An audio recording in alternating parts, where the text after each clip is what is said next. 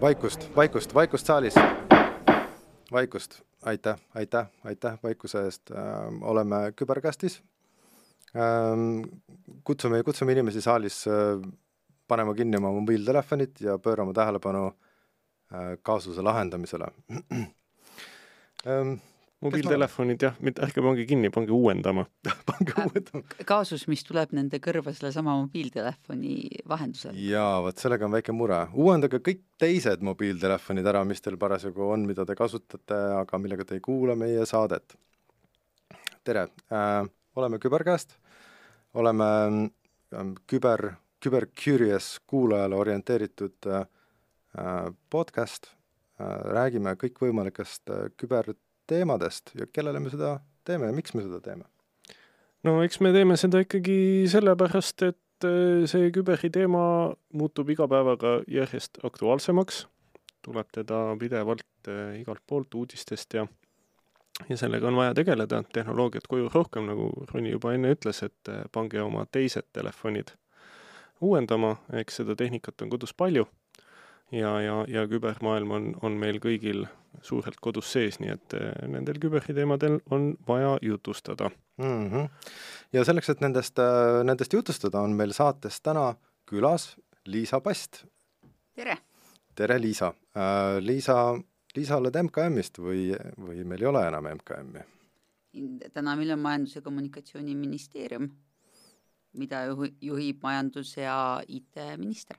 olgu, aga kuidas, kuidas selle plaaniga on, kas, kas siis millal see ümbernimetamine juhtub või kuidas see? eks siin need tantsusammud käivad selle aasta jooksul ja ennekõike tähe-, on sellel suurem mõju minu nendele kolleegidele, kes tegelevad äh, suurte taristuasjadega, et energeetika, teed, transport, sellised asjad siis liiguvad tõesti Majandus-Kommunikatsiooniministeeriumist ära mm. -hmm. aga see digiriik, riigi üldine IT-vaade ja küberturvalisus mm, -hmm. nagu ka side koos siis agentuuridega, kes seda aitavad kõike korraldada, Riigi Infosüsteemi Amet, Tehnilise Järelevalve Amet, Riigi IT-keskus, nii edasi mm. -hmm. et äh, need on selgelt see IT-komponent, mis äh, on seal, kus ta on. aga no rutasime, rutasime natukene ette, ette oma, rutasin oma küsimusega ette, et Liisa, räägi natukene endast ja kes sa oled ja, ja, ja kust sa tuled ja kõik, kõik, kõik need asjad ka, et et need jäid kõik vahele praegu no,. kõige keerulisem küsimus, et mm -hmm. ma ei ole Tinderis, sest ma ei oska bio't kirjutada, eks mm -hmm. ole ähm,. ma lõppkokkuvõttes oma olemuselt olen selline, minu jaoks on hästi oluline, et Eesti, Eestis saavad inimesed oma elu nii korraldada, nagu nad soovivad. mis tähendab seda, et Eesti on selline vaba ja demokraatlik riik mm. -hmm. ja ma esimesed võib-olla kümme-viisteist aastat oma töisest elust tegelesin sellega, et inimestel oleks sõnavabadus ja samas ka oskus võtta vastutust oma sõnade eest mm. -hmm. ehk ma olen olnud ajakirjanik, ma olen teinud strateegilist kommunikatsiooni, muuhulgas ka tehnoloogia ja riigikaitse ja, ja inimõiguste valdkonnas. Vau, aga kuidas sa jõudsid küberturbeni? ja see on väga loogiline, sest et see, et see nagu see tohutu ime, mis on iseseisev Eesti, Eesti, millel on nagu oma riik ja ühiskond, mis oma tegevust ise saab korraldada, mis on selline noh, ajalooline ime. ja minu jaoks on justkui nagu peaaegu moraalne kohustus kuidagi sinna panustada mm. -hmm. ja kui see moraalne kohustus nagu viis mind siis selle nagu avaliku arutelu ja selle kvaliteedi ja ülikoolis kriitilise mõtlemise õpetamise ja, ja meediahariduse kõige sellise juurde, siis sealt edasi viis selle juurde, et kuidas kaitsta neid samu veresooni, milles see demokraatia voolab mm. -hmm. ehk äh, küberkaitse sõjalises valdkonnas, ma olen töötanud NATO Küberkaitsekeskuse juhtkonnas, mis on siis Tallinnas asuv rahvusvaheline sõjaline organisatsioon, millel mm täna äh, umbkaudu kolmkümmend liiget, mis on mm -hmm. aastast kaks tuhat kaheksa kasvanud siin äh,. kuidas riik seda korraldab, nii Riigikantseleis kui Riigi Infosüsteemi Ametis näiteks töötades ja täna siis Majandus- ja Kommunikatsiooniministeeriumis kübervaldkonda juhtides, kuidas me selle teeme võimalikult turvalise keskkonna, ehk et mm, see, et äh, normid, standardid, poliitikad, strateegiad mm -hmm. oleks turvalist käitumist siis digitaalses või kübermaailmas äh, toetavad mm. -hmm. ja mitte ainult seda, aga et nad olekski tehniliselt rakendatavad. Mul on niisugune tunne, et, et me peame sind äh, nagu püsikülaliseks kutsuma niisugune, niisugune tunne, et, äh, et just täpselt see on see, see on see õige. minul aga... tekkus ka kohe huvi selle vastu, et, et millest me täna nagu räägime ja, ja aga ma arvan, et enne, kui me nüüd äh, lähme päris saate teema juurde, siis meil on ka üks temaatiline uudis, mida Ronni tahab kindlasti katta, on ju. Ja sellest tulenevalt juhatan siis äh, kaasuse käsitlemise juures äh, Opsvat minutid, Opsvat minutid on siis äh, Küberkästi uudise, uudiserubriik ja, ja siin just täpselt ongi, ongi üks uudis, mida, millest rääkida. nimelt Eesti valmistub selle aasta keskpaigas avalikustama riikliku mobiilirakenduse M-riik, mis toob avalikud teenistused kasutajale mobiiltelefoni. Ehk siis äh, riik ei ole enam mitte ainult veebibrauseris, vaid riik liigub jõudsalt ja jõudsalt mobiiltelefoni. nüüd, nüüd sellest, seda uudist lugedes mul tuli meelde üks, üks paari nädala tagune või nädalatagune kommentaar, kus kohas äh, automaksu teemadel, siis tuli, tuli ettepanek, et võib-olla peaks äh, igasse autosse panema niisuguse jälgimis, jälgimisseadme, mille abil siis oleks võimalik tuvastada auto kasutamist, kasutamise hulka ja selle järgi siis, äh, siis äh, maksu koguda, aga, aga noh, see ei ole, see ei ole päeva teema. ühesõnaga, riik on, riik on mobiiltelefonis, Liisa, kas sa oskad sellest rohkem rääkida meile? jaa, see on testimises, täna ka on avalikult äh, võimalik testijaks tulla igal CyberCasti kuulajal mm. -hmm. ja M-riik iseenesest on ju väga loogiline areng mm. -hmm. et kui Eesti digiriiki välja mõeldi, siis kogu meie maailm oligi väga brauseripõhine ja kahe tuhandete keskel olid veel nupuga telefonid mm. -hmm. noh, millega internetis käimine oli midagi ennekujutlematut ja juba see, et mul oli üks Sony mobiiltelefon, mis raadiot mängis, tundus nagu täiesti uskumatu mm. -hmm. aga täna on ju kasutaja järjest rohkem mobiilis ja sageli, väga palju on ka neid, kes eelistavad asjaajamiseks mitte üldse siis arvutit lahti teha mm. -hmm.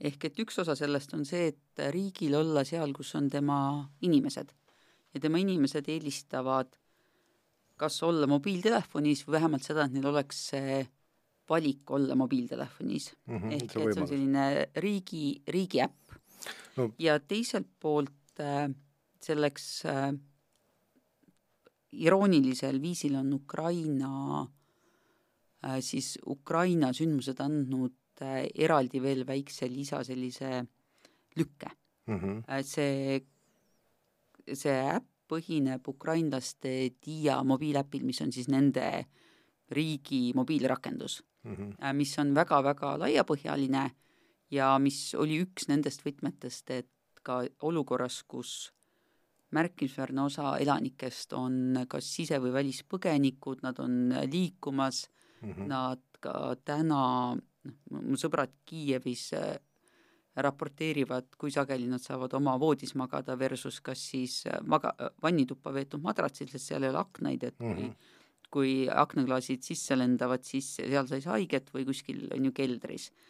ja siis seal riigiga asju ajada läbi arvuti on nendes oludes keeruline mm. -hmm. ja Ukraina üks sellise vastupidavuse faktoritest mm. oligi see, et riik on inimeste jaoks nii isikutuvastuse mõttes kui teenuste mõttes mobiilis mm. -hmm. Äh, nii et ta põhineb sellel samal diäpil ta on selle pealt noh, testitud, arendatud ja, ja järjest hakkavad sinna minema teenused? No mina mäletan, mina olin pisikene poisikene ja mina lugesin hästi palju ulmet, mul on, mul läks ulme, ulme väga hästi peale. peale vaadates kordagi ei arvaks? ei, ei, ei. ega arvestades, mis valdkonnas me töötame? ei, ei, ei. ja selles, selles, selles raamatuseerias mille nime ma nagu üldse ei mäleta, mul on hästi piinlik praegu. Ühesõnaga, seal kirjeldati midagi, mis on midagi sarnast, nagu on mobiiltelefon, mida me täna kasutame, nemad kutsusid seda eset siirikuks. ja selle Siiriku abil oli siis võimalik teha kõiki neid asju, mida me täna teeme tegelikult oma, oma telefoniga, mis, mis toona oli nagu ilmselgelt nagu võimatu. aga, aga ma arvan, et praegu on õige küsimus sinu käest küsida, et mis sina sellest arvad, et kui palju tekib nagu sellist ebavõrdsust sellel hetkel, kui, kui osade inimeste jaoks või osanik, osade kodanike jaoks jääb see maailm nagu võõraks või võõraks või on, on võib-olla kättesaamatu, noh, kättesaamatu võib-olla vähem, aga jääb nagu võõraks, et kuidas see no Eesti... mitte, mitte et muud kanalid ära kaoks mm, -hmm. nagu riigiga suhtes. Eesti on valinud selle tee, et ligipääs riigile peab olema võimalikult lihtne mm. -hmm. ja mida see lõpuks tähendab, on see, et kuivõrd eriti väljaspool linna on muuhulgas ka geograafiline aspekt tuleb väga selgelt sisse, et kui sul on paljud riigiteenused on saada noh, neljas keskuses üle Eesti mm, -hmm. siis selgelt äh, see tekitab äh, barjääri nende jaoks, kellel on kas töised, igapäevased töised kohustused mujal kui nendes keskustes, kelle jaoks transport äh, võib olla noh, piiranguks või väga ebamugav või aeganõudev ja noh, alates valimistest lõpetades lapse sünni registreerimisega, kõik seal vahepealsed elukoha teate andmine või mm, -hmm. või kas või ettevõtte registreerimine, sa saad, mida rohkem sul on valikuid, seda suurema tõenäosusega on seal ka valik, mis sulle sobib mm. -hmm. ja see kõik ehk, on, see kõik on osa ühest. et inimene, noh, endiselt saad sa minna vallamajja või siis kus iganes on see rahvastikuregistri tüüpi teeninduspunkt mm, -hmm. selleks, et oma elukohta registreerida, aga sa saad seda teha ka online'is. sa saad lapse sündi registreerida ka, ka minnes koos kohale mm, -hmm. aga noh, esimesel elukuul väikse lapsega perekonnas suurem osa inimesi eelistab kasutada seda online võimalust. ja see on aga... just see nagu mitmete variantide olemasolu. sa on, olen aru saanud, et on võimalik abielu registreerida mobiilselt äh, lahutamine vist pidi olema roadmap'is noh, need on needsamad nii-öelda elukaare teenused, kus mm -hmm. sul on et siiski jah, sõna ütlemiseks minu arusaamisest sa veel mõnda aega pead siiski kohale ilmuma mm, -hmm. aga see, et kui sa teed ühe sammu, siis järgmine samm on, on sulle ette pakutud mm. -hmm. see muide puudutab äh, nii noh, ka sünnid-surmad näiteks, et mm -hmm. sünni puhul on see olemas, et kui sa registreerid oma lapse, siis neid järgmiseid valikuid annab sulle infosüsteem ette mm. -hmm. aga noh, samamoodi elus ootamatu sündmus, näiteks ja. lähedase kaotus tegelikult on see, et sa ei pea mõtlema, mis ma nüüd pean tegema, tõendi sealt sinna, siis selline, siis see, et noh, see on ja. sama loogika ju. ja, ja et noh, tegelikult see surma, surm on üks elu, elu niisugune loomulik osa ja jah ähm,. Läks kohe morbiidseks? Läks, äh, läks, läks, läks, läks kohe morbiidseks, ma hakkasin, hakkasin praegu mõtlema, et et see surma registreerimine, et noh, et, et pildi saadad ära ja noh, nüüd on siis nii, aga ei, ei. Lähme turbe juurde, juurde. Lähme turbe juurde. et tegelikult kogu see, kogu see asi toetab nagu niisugust äh, suurt digipööret ja, ja, ja selles digiruumis iseenesest on, on turvalisusel väga, väga, väga suur osa seal on, seal on hulk ohte, mida võib-olla noh, kodanik täna võib-olla ei saa aru, sest see keskkond on võõras, aga, aga kui rääkida ministeeriumist ja ministeeriumi tasemel äh, küberturbe asjade ajamisest, siis, siis mis on ministeeriumi roll? ennekõike ja see, mida unikaalselt saab teha siis äh, ministeerium kui selline noh, lõpuks ju Vabariigi Valitsuse ja tema tahte rakendaja mm. -hmm. ongi, see on, see on meie roll. saab luua õigusliku ja strateegilise keskkonna. ehk äh, seada nõudeid, öelda, mis on aktsepteeritav, see on ju poliitika mõte, mis on meie ühiselu reeglid, äh, seada ootusi, muuhulgas seda, et millised kui, kui, kui mõelda siis küberturbe ja ka organisatsioonide infoturvalisuse peale, millised on need asjad, mida me teeme keskselt mm. -hmm. selgelt nii-öelda e-domeeni seire näiteks on Riigi Infosüsteemi Ameti ja tema, tema CERD-i ülesanne.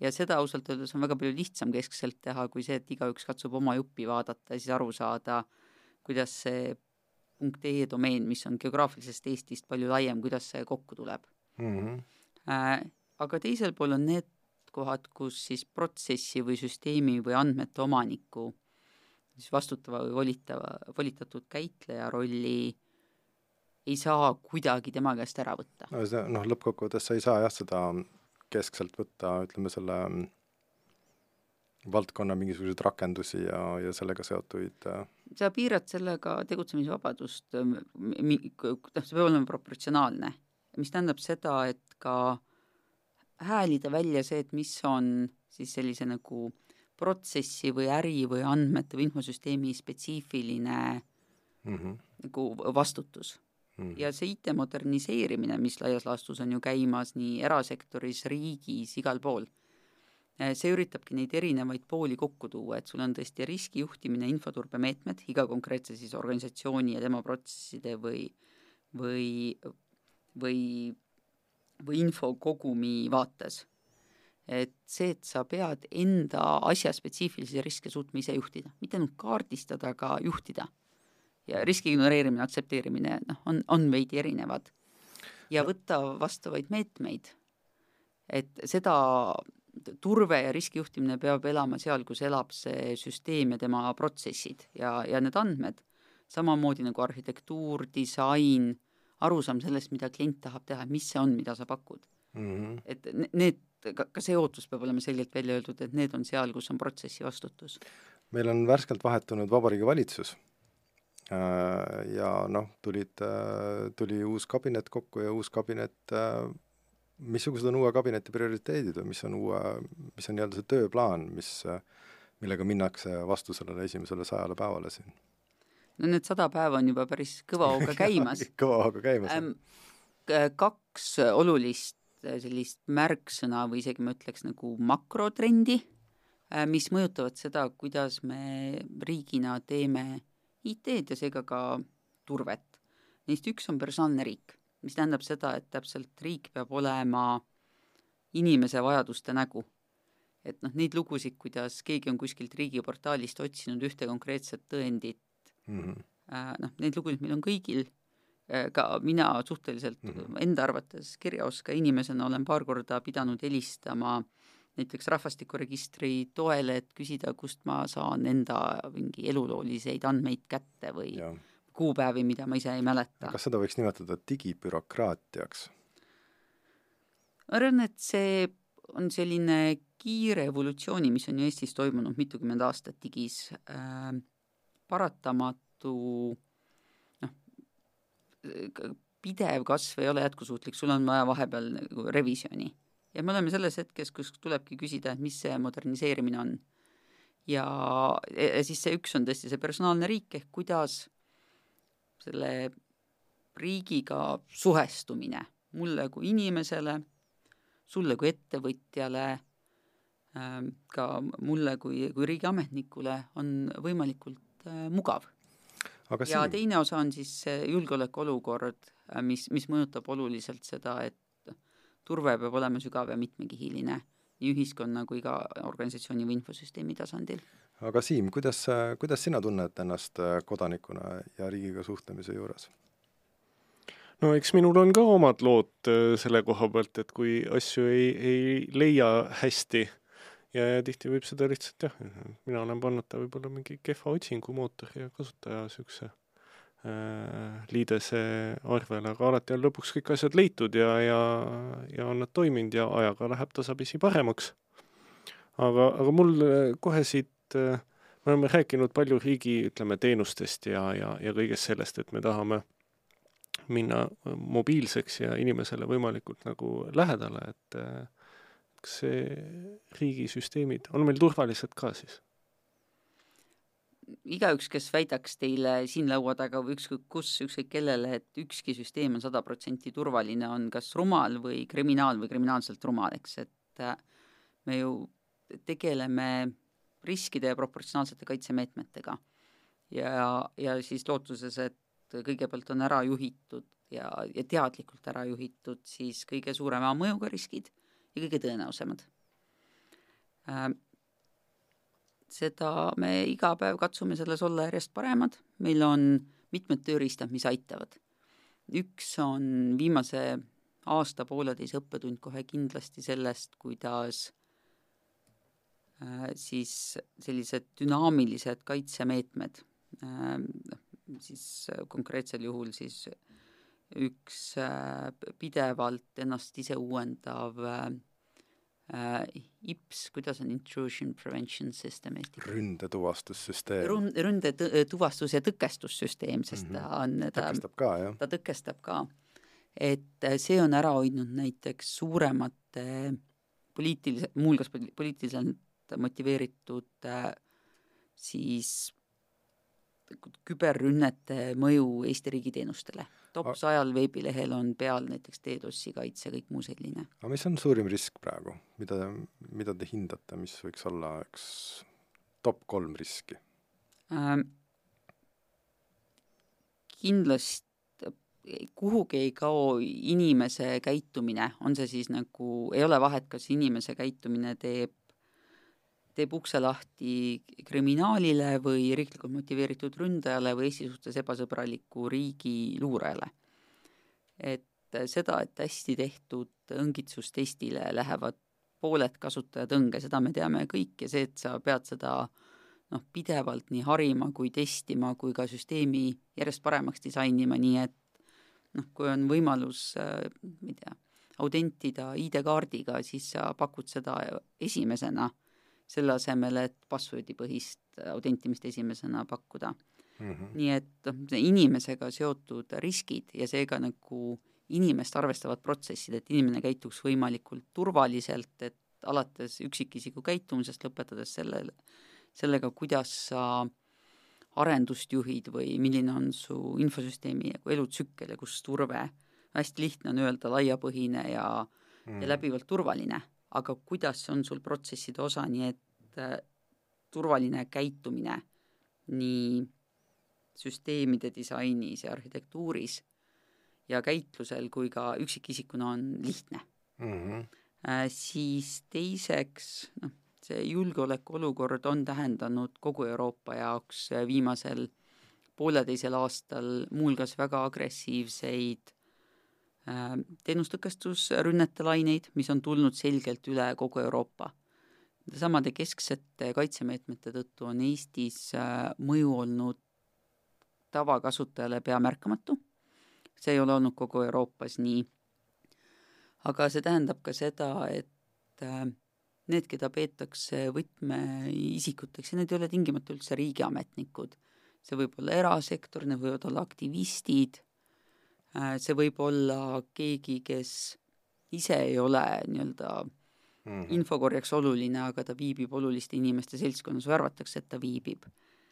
Äh, on ka pidevalt õngitsuse sihtmärgid näiteks mm. -hmm. kriitiline infra koos Ukraina siis selle sõja uue agressioonilaine algusega, eks üle aasta tagasi, muuhulgas sai pihta ju Viasat ja mõju oli siis tavaklientidele üle Euroopa, äh, sest et üks Viasati üldse mitte Ukrainas asuv, aga Itaalias asuv andmekeskus sai väga agressiivselt pihta mm -hmm. küberrünnetega. ja see noh, on hüpotees, et ju muuhulgas siis oli klientide hulgas Ukraina, võib-olla ka Ukraina riigikaitse, et äh, ju siis neil oli ka ebamugavam. aga ebamugav oli paljudel Viasati klientidel üle, üle Euroopa mm.. ja kolmas asi, ja mis on see, kus sul ei ole, ei ole ühte selget lahendust kindlasti, on kõik, mis puudutab tarneahelat mm. -hmm. see alates sellest äh, nagu riistvara tarne problemaatilisusest, mida koroona ja sõjaaeg on näidanud, ja lõpetades sellega, et paratamatult me kõiki koodi elemente ehk siis tarkvara, neid komponente, millest tarkvara koosneb, me lõpuni ei tea, millest ta koosneb, on küll mõned väga-väga paljulubavad algatused, nagu näiteks Software Bill of Materials, mis on ameeriklaste arendatud, mille mõte on see, et kui midagi juhtub, siis sa pead teadma, mis elementidest su tarkvara koosneb, noh umbes nii, nagu sa pead teadma äh, mis koostisosad on su lõunaks söödud salati või, või sinna peale võetud äh, šokolaaditahvli mm -hmm. sees. ja kui sa näed, et oo, et siin on, on kasutatud sellist, sellist elementi, mis on problemaatiline, siis see aitab sul nii turva paikamisel kui, kui mõjude vähendamisel. ja, ja et see on, see on üks niisugune äh, väga, väga, väga oluline, oluline nüanss igas äh, igal pool, just nimelt, et tarneahelad on pikad ja, pikad ja keerulised ja ja kui sa ei tea neid komponente ja, ja elemente, mis su noh, näiteks siis tarkvara sees on mm, -hmm. kõik kasut-, koodi taaskasutus on, ma ütleks, arenduses paratamatu. Äh,, vabavaralise koodi taaskasutus, noh, needsamad äh, Java teikide küsimus, mis oli jõulude ajal poolteist aastat tagasi, on paratamatu. Ja kui sa ei tea, et mingid äh, log4j-d on, on sinu toote sees, siis sa ei saa ka selle turvanõrkuse ilmnemisel asuda mõju vähendama või, või kiiresti turva paikama. ja, ja see, see log4j on, on niisugune asi, mis, mis püsib ja ma olen isegi näinud ühte kindlustuslepingut äh,, küberkindlustuslepingut ja küberkindlustuslepingu sisse oli kirjutatud, et äh, et log4j Äh, selle, selle, selle kulusid me ei kanna. ja siis ma juhtisin tähelepanu, et et mi-, miks me arutame nagu seda konkreetset asja. miks ainult see, et tegelikult seal on, on hästi palju asju äh, peale Log4j, mida, mida võib-olla sellesse lepingusse, lepingus loetleda. no exchange'i turvanõrkus umbes samast jah, jah, et paneme kõik ritta, et siis me saame niisuguse ilusa piibli, millele on mõnus alla kirjutada. aga, aga... noh, mille mõte on küll see, et Äh, kindlustus või, või mingid nagu keskselt appi tulevad kaitsed või mhm. ka siis noh, erasektori turbeteenused saavad paremini aidata neid, kes ise teadlikult oma turvet ja riski juhivad mm. -hmm. ja et kui, et kui sul täna, poolteist aastat hiljem, on äh, need Java teekide turvanõrkused endiselt paikamata siis noh, ma ei ole kindel, kes sind aidata saab, kui sa iseennast nii palju ei aita. noh, tegelikult see, see Log4j elab ja see jääb, see jääb väga pikaks ajaks elama äh,. Väga paljudes suurtes või noh, mitte paljudes, aga väga mitmes suures nagu enterprise tootes äh, see Log4j ikka jätkuvalt, jätkuvalt eksisteerib ja tõenäoliselt veel nagu, nagu palju aega, aga aga jah. see on hästi oluline küsimus muuseas, see vabavaralist, kes vastutab, kui vabavaralistes komponentides on turvanõrkused ja see vabavaraline komponent on kasutatud siis äh, äh kasumit toot-, äh, kasumit taotlevas tootes. sest et see tundub, et see on nagu niisugune Taaveti ja Koljati küsimus, et kui sul on ei noh, sa saa asi, mille sa oled vabasse kasutusse andnud ja siis keegi, kes, kes teeb käiveid, käibeid miljardeid ja võib-olla ka kasumeid miljardeid iga-aastaselt, kasutab seda mm -hmm. ja seal on nõrkus, siis temal on ju palju suurem võimekus riske juhtida, temal on palju suurem võimekus patch'e äh, välja anda ja temal on ka, kuivõrd ta küsib raha, siis tal on ka lepinguline kohustus enda kliendi ees. no ma ütleks niimoodi, et äh, kõike, mis maast leiad, ei tasu suhu panna äh, no immuunsus kasvab, aga mitte alati. ja, ja ameeriklased oma uues küberstrateegias on äh, päris julgelt välja öelnud, võtsid selle just sel kevadel vastu, et riskide juhtimise eest vastutab rohkem see, kellel on rohkem riskijuhtimise võimet. mis tähendabki seda, et see noh, suur arendaja või suur teenusepakkuja, et tal on ka suurem vastutus kui kliendil mm, -hmm. sest klient lõpuks see ju noh, kliendi mõju võib olla lepingus läbirääkimistega, võib olla mingi riskitransferil, kas siis noh, lisateenuste või kindlustuse kaudu, aga sageli kliendi valik on on selline ameerikalik, et sul on valik, kas sa tüüptingimusi aktsepteerid või mitte, seega kas sa saad meie teenust või mitte. aga räägime natukene sõjast ka ähm,. Singer Vinger laulis, et äh, kodusõjas surma ei saa, mina ütleksin, et äh, kübersõjas surma ei saa, kuid olen haavatav maa ähm,. Ähm, mis ähm,, missugune pilt on, milline osa on küberil sõjas või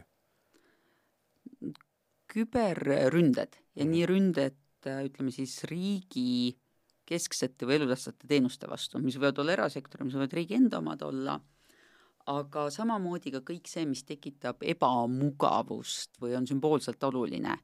ehk et mingid avalikkusele suunatud veebilehtede või teenuste näotustamine näiteks mm. -hmm millel ei pruugi olla mõju absoluutselt süsteemide käideldavusele, neis olevate andmete terviklusele või konfidentsiaalsusele, aga kui on ikkagi mingi naljakas uudis kuhugi üles riputatud, noh, seda, ja seda on juhtunud ju muuhulgas näiteks sageli Gruusia poliitiliste veebilehtedega ikka paari aasta tagant juhtub neid, neil midagi sellist äh,, on osa sellest, kuidas riigid omavahel üksteise üle võimu kehtestavad äh,. kaasa arvatud riigid, kellel on siis äh, küberründe võimak-, võimekus, kelle luureagentuuridega luureagentuuridega on seotud või luureagentuuride osa on äh, siis küberründe või, või küberspionaaži üksused mm. Vene Föderatsioon nende hulgas.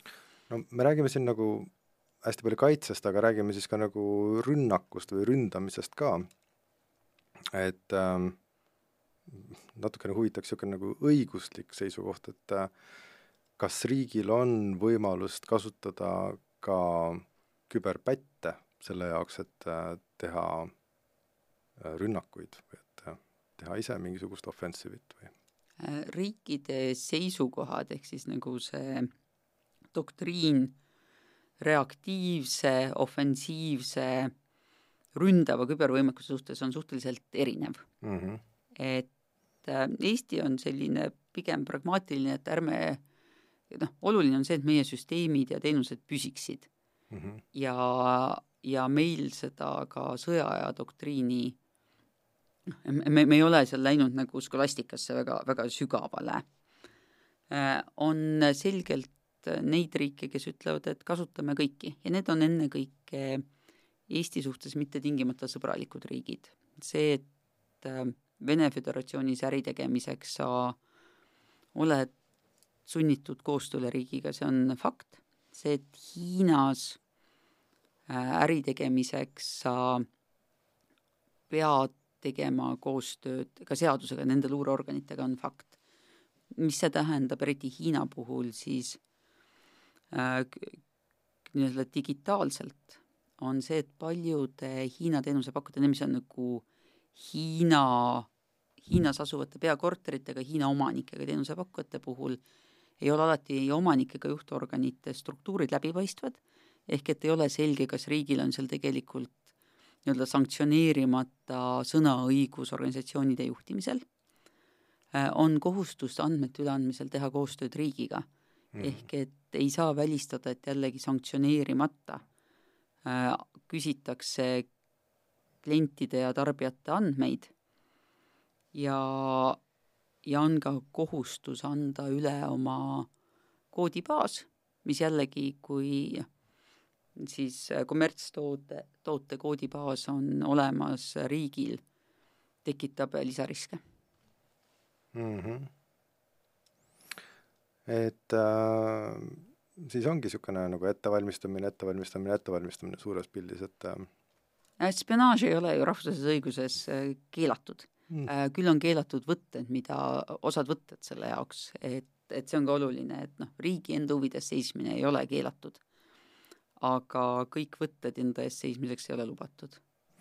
aga kuidas, kuidas see moodne buzzword äh, ai mahub äh, riiki ja, ja, ja küberjulgeolekusse?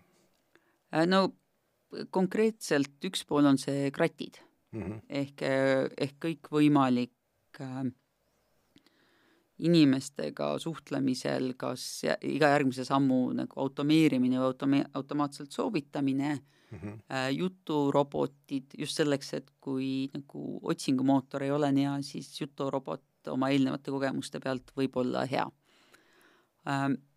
see on nagu see üks pool mm. -hmm. Äh, nüüd turbes reaalselt, ma arvan, on paar trendi. Üks on see, et mida tähendab siis viimasel ajal plahvatuslikult arenenud loomuliku keele tehisintellekt ründajate võimekusele mm. -hmm.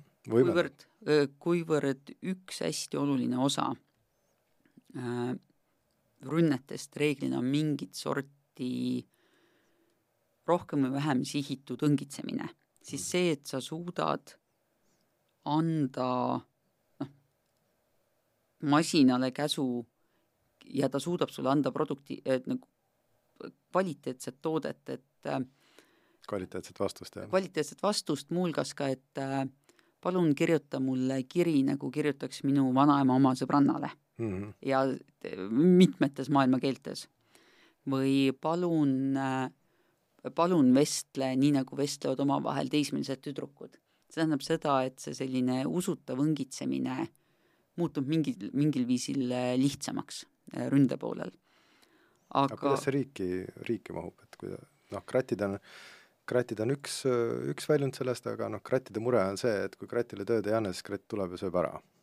miks sa annad sõela vee kandmiseks ise? Äh, ja kuhu ta konkreetselt ikkagi küberkaitses mahub, on ju nii, nagu iga teise võrgu või süsteemi või, või organisatsiooni küberkaitsel, on see, et mida rohkem sul on selline ennast reaalajas uuendavate indikaatoritega automeeritud või osaliselt automeeritud eh, triaaž ja, ja ka blokeeriv, ehk see, et sa noh, need asjad, kus inimanalüütik või iniminsener äh,, need ootavad tal järjekorras, ta on aeglasem, mis on samas standardsed. noh, mingite indikaatoritega tegevuse lihtsalt nagu blokkimine või karantiini panemine. Ja see on eh, riigi ja tema süsteemide puhul samamoodi nagu igas teises sektoris, et et mida rohkem see automeeritud, ettearvatav, reeglitepõhine, korrapärane töö saab kompuuter ära teha, seda rohkem saab teha insener seda, kus on tema teravat pilku vaja minul tekkis siit nüüd see küsimus äh, kohe, et me oleme rääkinud siin natukene nagu kübersõjast ja sellest nii-öelda tehnoloogiast ja ai mängu toomisest, aga aga Eestis ka ütleme, selle kineetilise sõja puhul on äh, reservvägi see, kes äh, meie riiki, ütleme, kaitseb. Ja aga mida küber nii-öelda kontekstis iga riigi kodanik võib-olla siis nii-öelda ära ja, teha saab, saab selleks, et esiteks esimene küsimus, et mida saab kodanik nagu ära teha ja teine küsimus on see, et kui palju kodanik saab võib-olla mõjutada äh, või kaasa rääkida no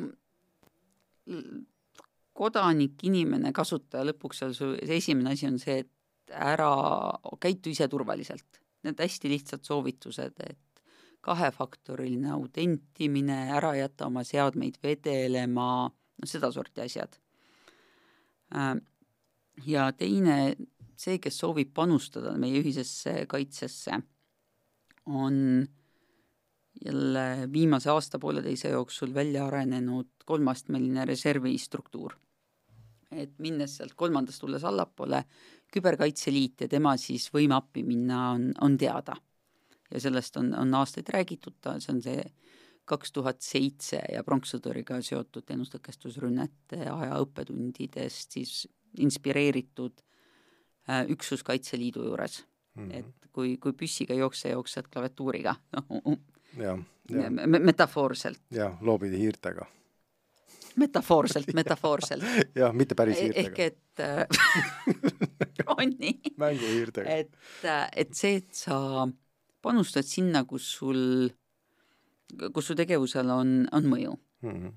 siis äh, nii-öelda reservi, kui see on kolmas tase, reservi teine tase on riigi enda pealt kokku kogutud ja ka koos harjutav ja koos koolitatud reserv, kes saavad minna üksteisele ja elutähtsa teenuse pakkujatele appi mm. -hmm. et äh, juhul, kui on suurem sündmus, kus on vaja appi minna ja esimene tase on Riigi Infosüsteemi Amet ise, kes siis juhul, kui jälle on teinud te,, on suurema mõjuga sündmus, siis samamoodi ju nõustab, läheb appi, pakub tehnilist nõu äh,, kõike sellist. ehk et see on ka see, need, kes saavad panustada, see kolmeastmeline reserv, kus esimene on Riigi mhm. Infosüsteemi Amet, teine on nii-öelda riik omavahel ja kolmas on Küberkaitseüksus Kaitseliidu oma mm. -hmm. Um, Liisa, sinuga on olnud väga huvitav vestlus ja, ja ma olen täiesti teadlik, et me võime rääkida veel siin rahulikult äh, pikemalt. aga ma arvan, et praegu meil on hea võimalus äh, episood kokku võtta. ja kutsuda Liisa veel korduvalt äh, meile siia külla. aitäh sulle, Liisa ähm,! Ja selles episoodis on meil natukene teistmoodi, et meil siia episoodi lõppu tuleb üks niisugune pisikene äh, lühilugu, et siis äh, kuulake, kuulake lühilugu ära ilusasti. kuulake siis jah lugu ja, ja, ja meie kuuleme jälle siis kahe nädala pärast. aitäh! aitäh! elas kord, mitte nii kaua aega tagasi, ühes ettevõttes üks andmebaas. see andmebaas oli suur ja rohmakas, ta nimi oli Suur Oraakel. Temas olid kõik andmed ja väga-väga paljud inimesed ja kliendid sõltusid temast. aeg möödus ja andmebaas üha kasvas ja kasvas, kuni hakkasid tekkima probleemid. nimelt selgus, et aeg-ajalt üks väga oluline päring andmebaasi pihta muutus väga aeglaseks. tavaliselt andis andmebaas päringuse, päringule vastuse kiiresti, no millisekunditega, kuid teinekord võttis sama päringu vastuse saamine aega tunni või kaks. kuna tegemist oli väga olulise päringuga ja see hakkas segama äritegevust, siis oli vaja jälile jõuda juurpõhjusele, miks päring teinekord nii palju aega võtab. andmebaasi administraatorid üritasid ühte ja teistpidi, kuid ei suutnud tuvastada vea põhjust. täielik anomaalia. suur oraakel oli vaevustega ja ravi ei tundunud üldse olevat me oleme juba kõik ära proovinud, mitte midagi ei aita. ma ei tea, proovime midagi veel ah,. lõpetame. kutsuti kohale seitsme maa ja ilma tagant oraakli spetsialist. Can you please come and help us, we are in deep trouble. Of course, I will come immediately.